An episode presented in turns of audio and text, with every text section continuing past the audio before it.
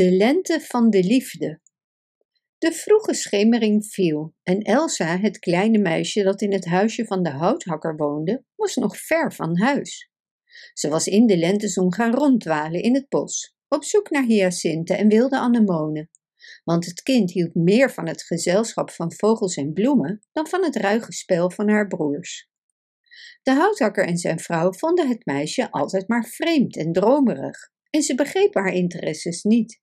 Maar ze waren niet Elsa's echte ouders. Ze waren echter aardig voor haar en Elsa probeerde altijd naar hen te luisteren, maar soms vergat ze het. Ze was het vandaag vergeten.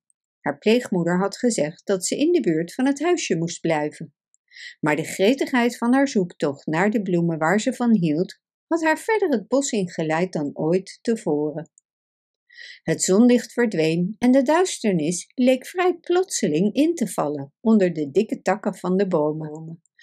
De vogels hadden hun laatste lied gezongen en waren naar hun nest gegaan. Alleen een eenzame lijster zong luid vlak boven haar. Elsa dacht dat het vogeltje haar waarschuwde om naar huis te gaan. Ze liep snel in de richting van wat ze dacht dat haar huisje was.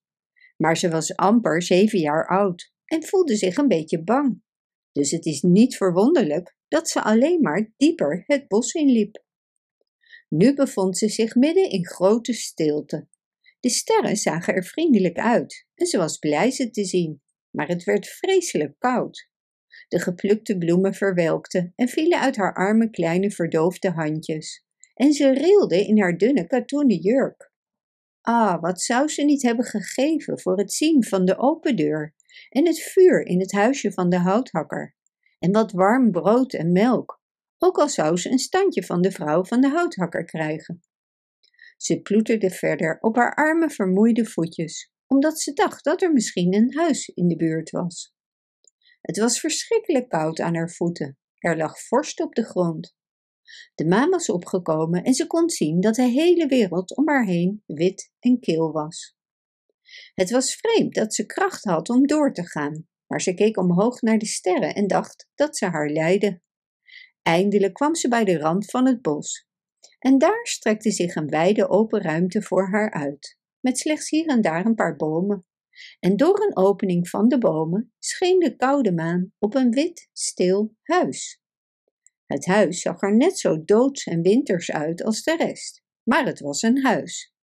En Elsa zei tegen zichzelf dat er vast iemand in zou wonen. Dus bedankte ze de vriendelijke sterren dat ze haar hadden geleid. En met de resterende kracht die ze nog had, sleepte ze haar arme kleine verdoofde voetjes over het brede pad tussen de bomen. Aan het einde van de weg hing een ijzeren hek open in zijn scharnieren en Elsa bevond zich in wat eens een tuin was geweest. Nu waren de gazons en bloemperken allemaal een verblindend stuk ijs en bevroren sneeuw. Maar daar was het grote witte huis en uit één raam scheen licht, zeker het licht van een vuur. De rest was donker. Elsa sleepte zich een stenen trap op met haar vermoeide voeten, tot ze voor een enorme deur stond, bruin en zwart, gesloten en vergrendeld met ijzeren tralies. De grote klopper hing hoog boven haar bereik, maar met haar arme handjes sloeg ze tegen het houtwerk.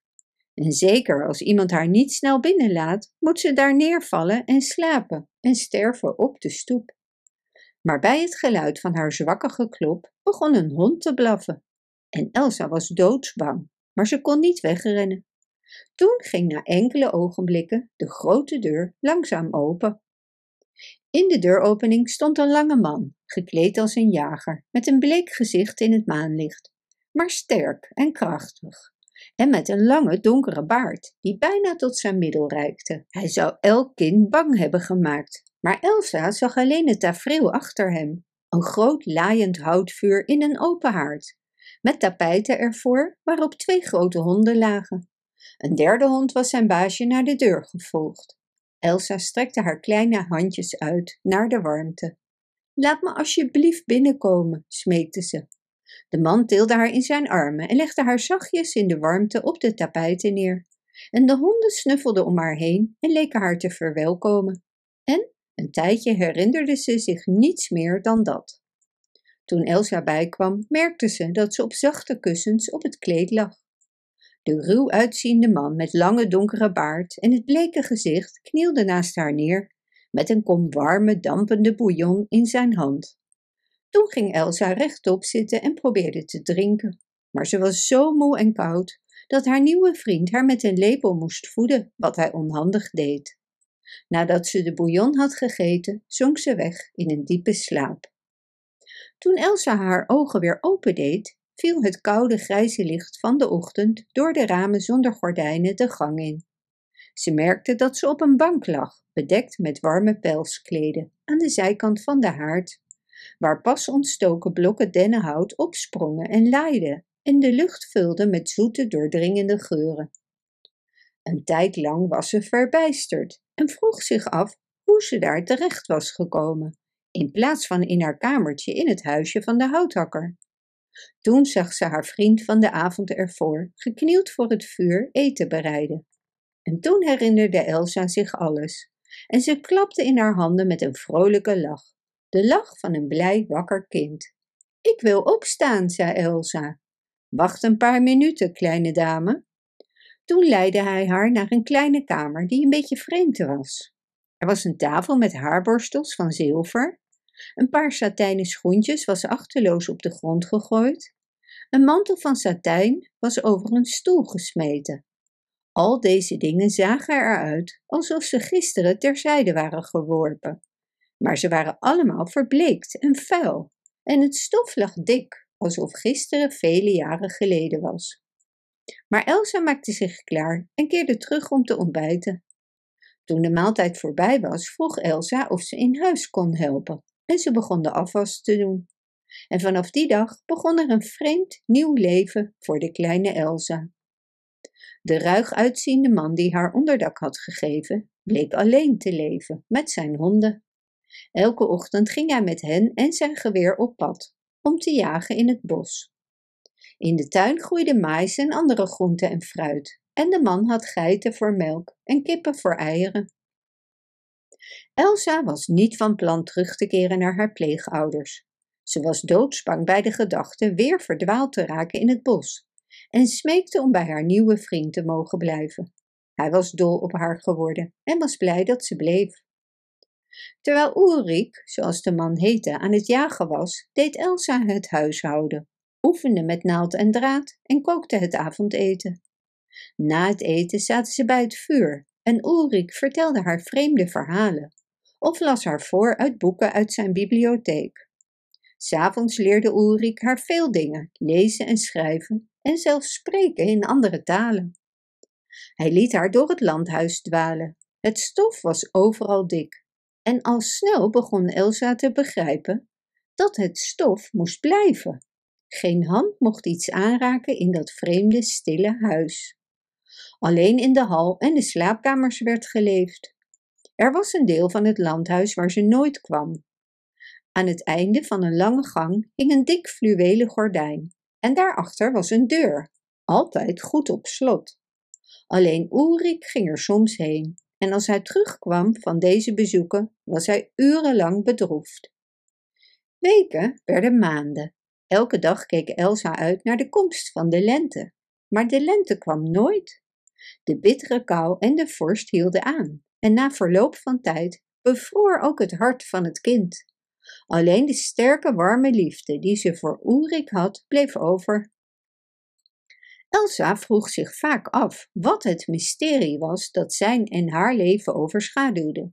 Maar ze dacht er nooit aan om weg te gaan. Het zou Ulriks en haar hart breken. En de maanden werden jaren en Elsa werd twaalf jaar oud. Op een avond kwam Ulrik binnen van een van zijn bezoeken aan de gesloten kamer, verdrietiger en bedachtzamer dan normaal. En hij pakte Elsa's hand en begon te praten. Kleine Elsa, zei hij, ik heb de tijd geteld en het is nu vijf jaar geleden dat jij bij mij kwam. Je vertelde me toen dat je zeven jaar oud was en nu ben je twaalf en zal binnenkort opgroeien tot een jonge vrouw. De tijd is gekomen. Niet voor mij om weg te gaan, vader. Dat is aan jou om te beslissen. Dan is het geregeld, zei Elsa, proberend te lachen, want ik zal je nooit verlaten. Er scheen iets van hoop in de troebele ogen van de man, ogen waarin Elsa nog nooit een glimlach had gezien, hoewel zijn lippen vaak naar haar hadden geglimlacht.